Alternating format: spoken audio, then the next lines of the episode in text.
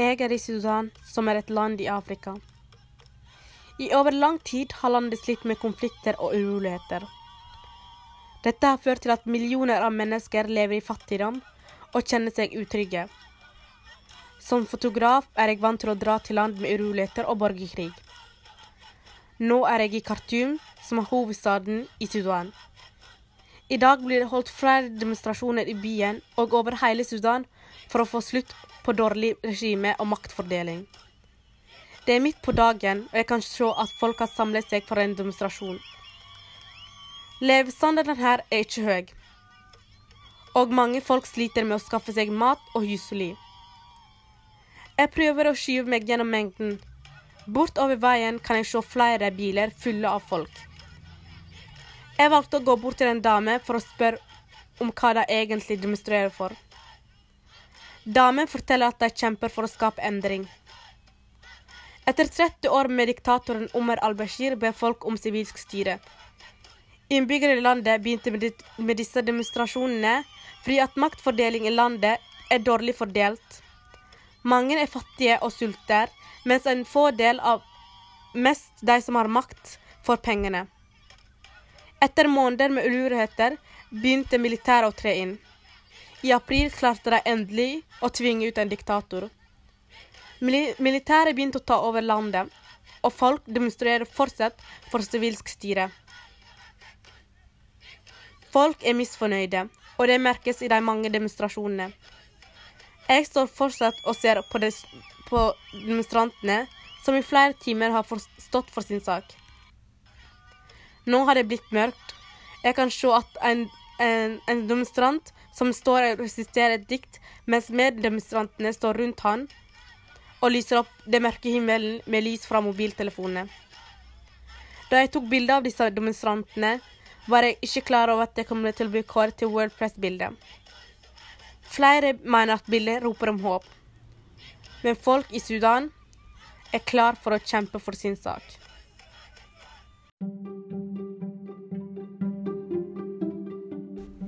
Det var en reiseskildring av Sudan, og nå over til en kort forklaring på hva fattigdom er.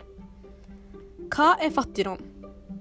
Fattigdom er mangel på livsviktige ressurser, men det handler om mer enn å ha for lite penger. De ulike landene har ulike oppfatninger av hva fattigdom er, og det varierer også fra person til person. Vi kan skille mellom absolutt og relativ fattigdom. Absolutt fattigdom vil si at man sliter med å skaffe penger, som fører til at man sliter med å skaffe mat, vann, husly og de nødvendige ressursene for å overleve. Det vil også si at man lever på en minimumsnivå FN regner med at 1,3 milliarder mennesker lever med 1,25 dollar per dag.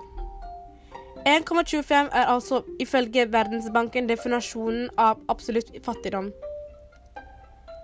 Hvis vi følger denne definasjonen, så er det nesten ingen i Norge som er fattige.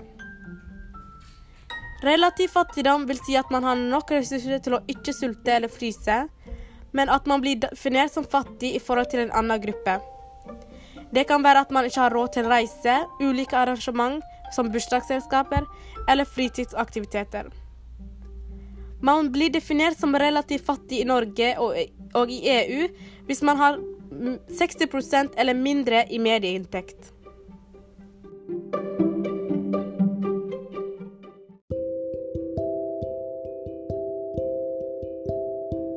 Nå har vi snakket om hva fattigdom er, men hva er årsakene til fattigdom?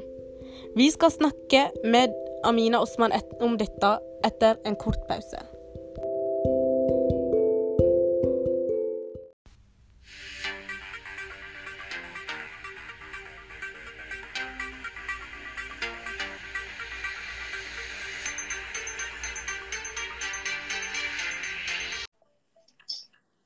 Da har vi Amina i studio. Velkommen, Amina. Takk. Kan du fortelle litt om de ulike faktorene som gjør at et land eller folk generelt havner i fattigdom?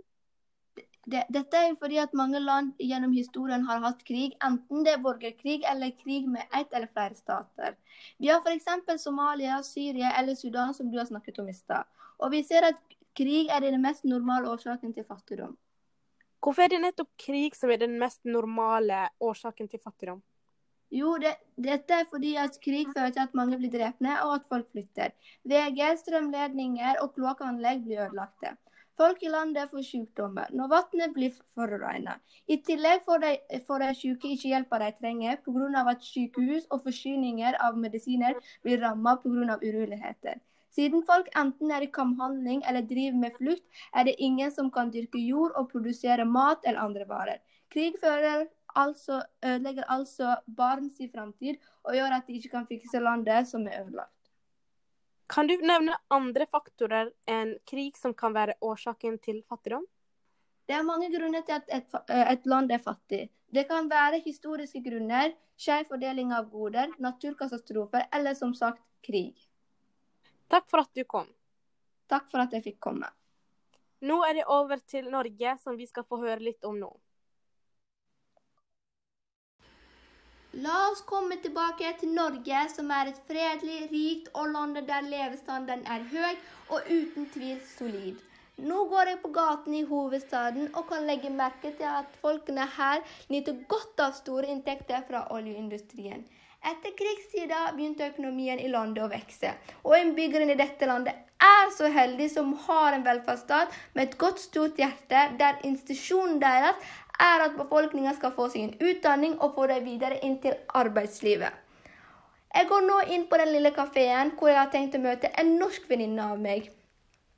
Siden Norge er et land som vekker min interesse, spør jeg hun nysgjerrig om hva er det som gjør Norge til det beste landet å bo i. Ragnhild forteller først og fremst at både unge og voksne engasjerer seg i det som skjer i samfunnet, hun forteller videre at Norge har en politisk system som organiserer demokrati og ytringsfrihet for innbyggerne, slik at de sjøl føler og opplever at det er jevn fordeling av goder og byrder i samfunnet. Livskvaliteten er ikke bare positivt for alle innbyggerne i Norge, tenker jeg imens jeg går forbi en tigger i hovedstaden. For hver skritt jeg tar på gaten i Oslo, ser jeg flere og flere tiggere og begynner å kjenne sommerfuglene i magen krible. Samtidig som jeg ser dette, klarer jeg ikke å få ut av bildet de velstående folka i samme gate. Jeg lurer på om disse forskjellene slutter å øke, og om fattigdom i Norge blir mindre klar og tydelig. Jeg tenker tilbake på at selv om vi har en politisk system som prøver å sikre velferden for hele befolkninga, blir dessverre noen fattige her i landet. Med en håpfull tonefall sier jeg til meg sjøl at fattigdom i Norge er heldigvis ikke livstruende. Men jeg vil virkelig meddele med dere at fattigdom er noe som påvirker livet til den det virkelig gjelder.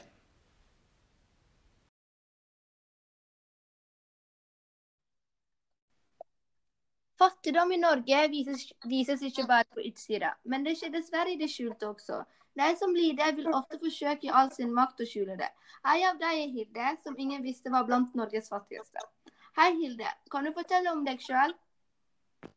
Ja, jeg heter da Hilde. Eh, jeg er 35 år gammel alenemor. Og dessverre oppsto det et problem da jeg var gravid med førstemannen for 11 år siden. Spør du meg på den tiden, hadde jeg aldri trodd at problemet skulle endre livet mitt så drastisk. Hvordan var livet før du fikk barn? Før jeg fikk mitt første barn, jobbet jeg i fotobutikk. Jeg elsket å jobbe der fordi jeg, jeg hadde god kontakt med kundene, og arbeidet på lageret var så gøy. Dessverre begynte ting å endre seg allerede da. Arbeidet jeg likte så godt, orket jeg ikke mer. Jeg følte meg egentlig dum, og det var en en tung tid for meg. Og alle de ekstra kreftene jeg hadde, brukte jeg eh, til å skjule hvor vanskelig jeg hadde det. Syns du at det er flaut eller vanskelig å snakke om det du opplever? Ja, det er mange ting som jeg har opplevd som jeg skulle ønske eh, ikke hadde skjedd. Jeg syns det er flaut når jeg eh, ikke har råd til en sparkesykkel til eldstesønnen på 100 kroner. Økonomien ble vanskelig etter to barn, og for første gang i mitt liv følte jeg meg fattig og singel. Hvordan var det å være ærlig om det? Første gang jeg torde å være ærlig, eh, spørre om hjelp, var eh, til en fremmed. Jeg tenkte, hvorfor ikke spørre, jeg hadde ingenting å tape. Det skjedde da jeg sendte en melding til en dame på finn.no hvor jeg spurte eh, om å få en sparkesykkel til halv pris, altså 50 kroner. Heldigvis synes hun at dette var greit. Vi kommet, eh, når vi hadde kommet fram, eh, ga jeg henne myntene, men hun la dem tilbake igjen i mine hender. Hun spurte fint om guttene også trengte klær. Jeg husket veldig godt da jeg kjørte eh, tilbake. Det satt en lykkelig åtteåring i baksetet. Jeg fikk motet til å lete etter andre som kunne hjelpe. To år seinere fikk jeg startet på nytt igjen. Og dette har endret livet mitt. Takk for at du kom. Takk for at jeg fikk komme.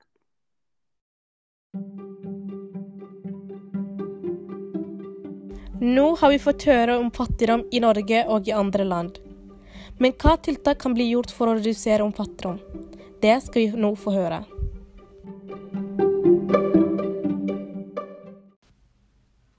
Mange ulike måter enkelte mennesker og organisasjoner kan arbeide for å redusere fattigdom.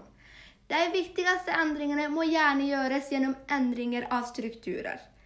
Dette vil si måten økonomien er organisert på, hvordan vi handler med hverandre, politiske systemer og maktforhold mellom land og individer.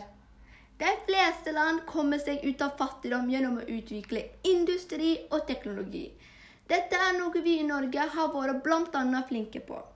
Men dessverre mangler mange land, som Sudan, råvarer og kunnskapen om teknologien. I tillegg til at de mangler veier, jernbaner og strømforsyning. Derfor kan vi legge vekt på at fred spiller en aktiv rolle for å bekjempe fattigdom. Et land med borgerkrig gjør at innbyggerne lider, samtidig som pengene som burde vært brukt til utvikling, blir dessverre brukt til våpen.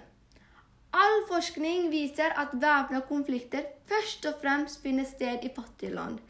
Det er ingen enkel sammenheng, men viser tydelig at det å bekjempe fattigdom er et middel til å skape et fredelig verden.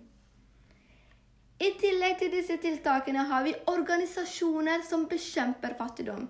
Et av dem er FN, som er en internasjonal organisasjon hvor de forsøker i all sin makt å gjennomføre de 17 bærekraftsmålene for hele verden. Det første målet går ut på å utrydde fattigdom.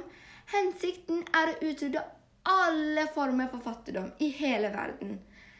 Organisasjonen ønsker å nå dette målet ved, økonomisk veksten skal være inkluderende og fordeles jevnt blant land og befolkningen. Derfor er det viktig at vi, land må investere i viktige sosiale tjenester, og i tillegg til å gi like muligheter til alle sine borgere.